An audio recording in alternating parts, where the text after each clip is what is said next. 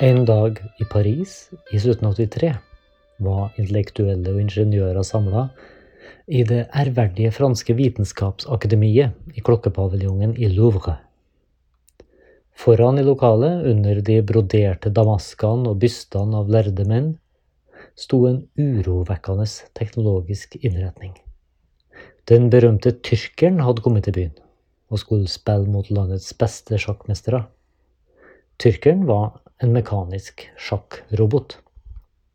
Et sjakkbrett med bevegelige brikker var montert på ei forseggjort trekist, og bak brettet trona en figur som så ut som en olm orientalsk trollmann i turban.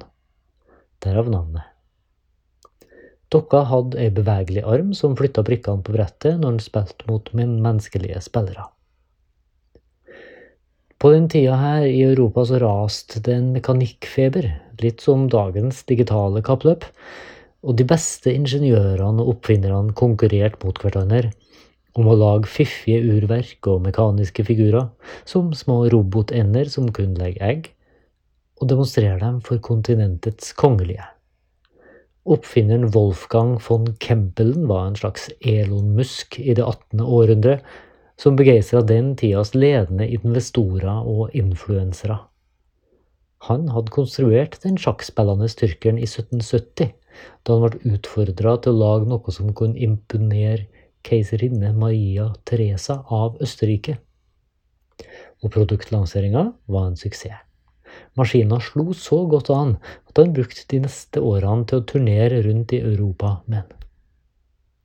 Den store kampen mellom den mekaniske tyrkeren og sjakkmester Francois André Donican Philidor i 1783 foregikk i et fullstappa fransk vitenskapsakademi. Byens skarpeste hjerner hadde kommet for å se kampen, og prøve å avsløre hvordan maskina virka. Campbellen hadde laga noen vinduer i boksen der du kunne se tannhjul som bevega seg, men eh, hvordan sjølve mekanismene virka, det holdt han strengt hemmelig. Under kampen så satt alle sammen og fulgte nøye med. Ikke så mye på sjølve kampen som på maskina, for hva var det den gjorde, og hvordan fikk den det til? Etter at uh, tyrkeren spilte i Paris, så prøvde mange av ingeniørene å forklare hvordan den fungerte. Noen foreslo at den kunne være drevet av magnetisme, en kraft som nettopp var oppdaga på den tida, og andre mente at det rett og slett var gammeldags magi. Og så var det noen som mente at han hadde gjemt en liten mann inni boksen. Kempelen sjøl avslørte aldri hemmeligheten. Etter hans død så ble tyrkeren solgt, og den hadde flere eiere før den gikk tapt i en brann i 1854. Og først etter det kom sannheten fram. Under sjakkpartiene så var det ganske riktig en mann som satt der inne krøka sammen i den trange boksen.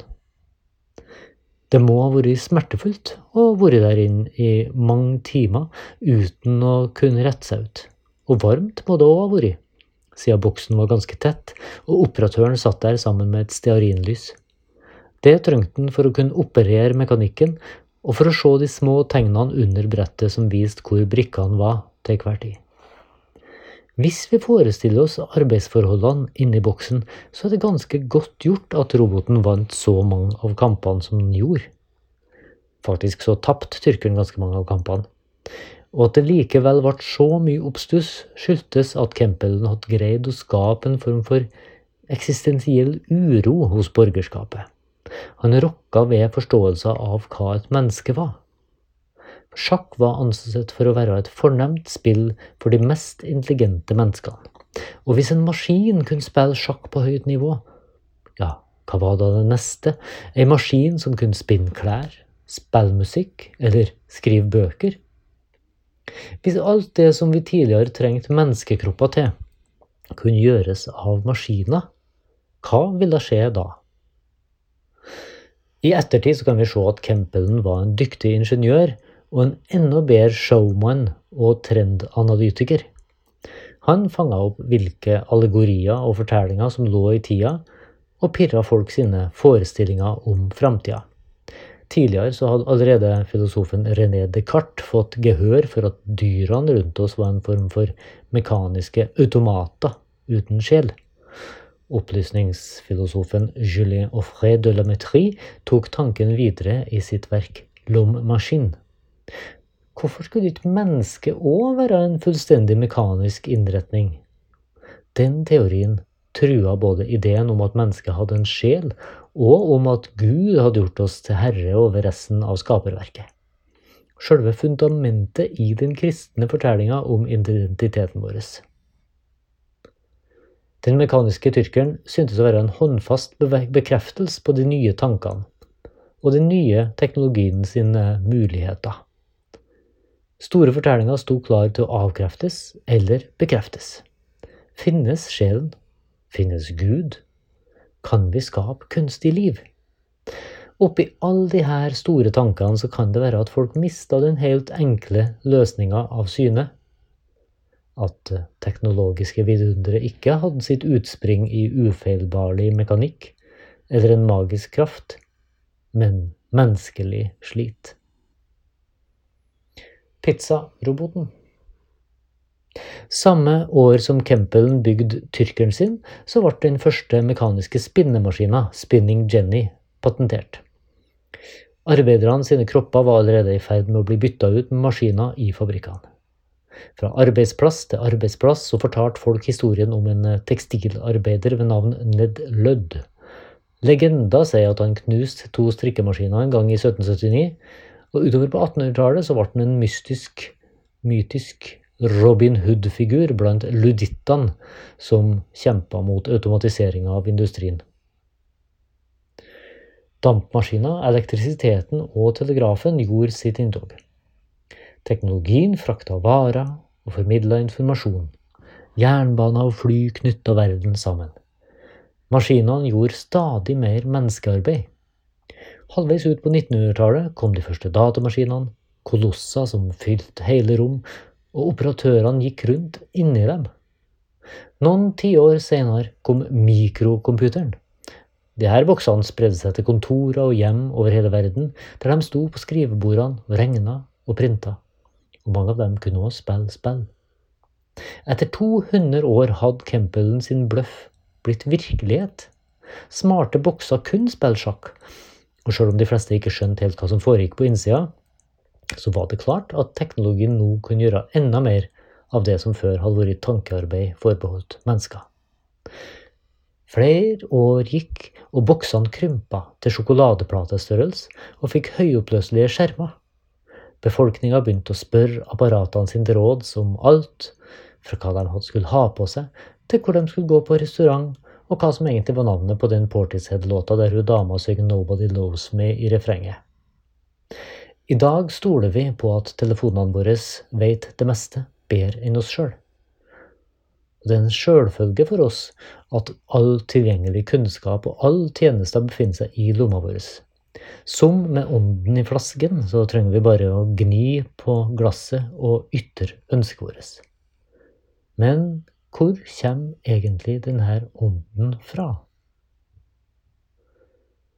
En dag i 2018 så befant jeg meg i Rokokkosalen på Grand Hotell, på en teknologikonferanse i regi av Hegnar Media Event. Over lysekrona så åpna rommet seg i en takmalerihimmel full av engler og små bomullsdottskyer. Rundt i rommet satt forretningsfolk i hvite skjorter og dress omkring runde bord. I et hjørne så jeg ei gruppe med lyseblå skjorter og tverrstripete gensere, kanskje de var datafolk av den mer tekniske sorten. Alle sammen var kommet for å snakke og lære om kunstig intelligens i praksis. Hvordan den fantastiske nye datateknologien kunne omsettes i forretningsideer, effektivisering og penger. Bak talerstolen i mørkt tre så snakka en av mennene om den største revolusjonen vi har sett på ufattelig lenge, og hvordan KI var et av de heteste temaene på World Economic Forum i Davios nylig.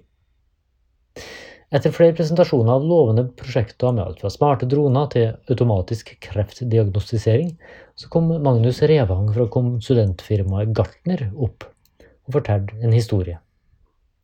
En gang han var på reise, så skulle han bestille pizza fra Papa Johns, som hadde en høflig bot som tok imot bestillinga. Og siden Revang jobber med kunstig intelligens sjøl, så syntes det var morsomt å teste hvor gode sånne botter er. Han prøvde noen fantasifulle formuleringer, som bl.a. handla om hvor glad han var i å ta av seg skjorta og kaste deg rundt seg. Og hver gang kom robotassistenten med svar av typen Jeg beklager, sør, jeg forstår ikke, kan du være så vennlig å reformulere spørsmålet? Og sånn fortsatte han å teste programmet, helt til botten kasta maska og sa Dude, det automatiske systemet vårt fungerer ikke ennå. Jeg er et virkelig menneske som sitter her og later som jeg er en kunstig intelligens for minimumslønn. Kan du ikke bare være så snill og fortelle meg hvilken pizza du vil ha?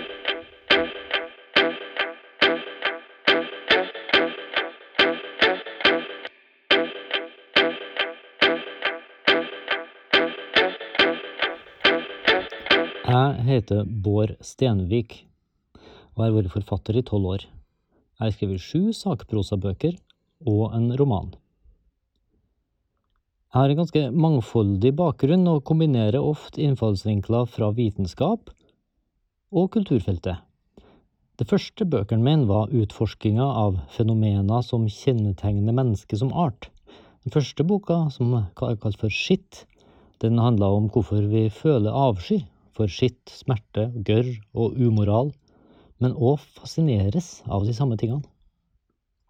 I den andre boka, Bløff, så skrev jeg om hvordan vi mennesker alltid søker det sanne og ekte, men òg at vi er det suverent mest løgnaktige dyret som finnes. Noe som òg gjør oss til det mest oppfinnsomme. Innafor disse bøkene så trakk jeg linja på kryss og tvers. I skitt så var jeg innom alt fra tarmbakteriene sin funksjon for helsa, til menneskene sin fascinasjon for skitne tanker, til hølete dongeribukser og hese sangstemmer. I Bløff så skrev jeg blant annet om 1600-tallets frykt for oppkomlinger med falske slektstrær, dagens storproduksjon av falske Rolexer, og ulike tider sine ideer om ekte kjærlighet. Og så knytta jeg alt det her sammen til teori om menneskelig motivasjon. Metoden min har vært å først finne enkelthistorier, sånn som fortellinga om den tyske studenten som dro til USA og ga seg ut for å være et medlem av den styrtrike Rockefeller-familien. Den falske identiteten gjorde han i stand til å leve i luksus i årevis. Så må òg den historien på et eller annet nivå illustrere et interessant poeng om samfunnet vårt. Eksempel hvor villig folk er til å gi bort dyre ting til folk som de tror allerede er rike. Og så må det være noe eksistensielt om mennesket. Eksempel at vi frykter dyktige bløffmakere, samtidig som vi beundrer dem. Den falske Rockefelleren var unektelig en dyktig og lærenem fyr. I dette arbeidet trekker jeg veksler på min bakgrunn som journalist for å spa opp gode eksempler, den akademiske bakgrunnen min for å finne mønster i samfunn og psykologi som faktisk er støtta av forskning, og lidenskapen min som forfatter for å fortelle gode historier i et språk som trekker leseren inn i scenene. Ofte så starter inspirasjonen for meg med noe jeg sjøl syns er vanskelig eller fascinerende. For eksempel så skrev jeg ei bok om kunstig intelligens fordi at jeg lurte på hvilke muligheter mine unger faktisk kom til å få i framtid, der store selskaper samler inn store mengder data og bruker algoritmer for å styre hverdagen vår. Alt fra hva for noen poster som dukker opp i TikTok-feeden vår, til hva for noen nyheter vi leser, og hvem vi drar på date med. Så, etter den uh, inspirasjonsfasen, følger en fase der jeg leser en mengde bøker om emnet. Lytter til podkaster, google, lese aviser, intervjue folk, forskere, folk som jobber i teknologibransjen sjøl. Og så må all den informasjonen som er samla inn, struktureres. Det er kanskje den vanskeligste jobben. I lang stund så trodde jeg at teknologiboka mi skulle ha form som brev til dattera mi, men til slutt så laga jeg den som en samling allegorier, der hvert kapittel sammenligner det digitale hamskiftet vi står i, med andre historiske skifter og fenomener, som det norske oljeeventyret, eller gjennombruddet til matvareindustrien. Tankefrihet er viktig for skriveprosessen. Det virker jo opplagt. Men hva er egentlig tankefrihet? For meg så er det viktig å ha mange muligheter, mange retninger å kunne gå i. Da hjelper det at jeg har studert alt fra musikk til sosiologi, skrevet mye om naturvitenskap og psykologi som journalist, at jeg er oppvokst på en gård i Trøndelag, men òg har bodd i New York. Jeg er både en insider og en outsider samtidig i mange felt.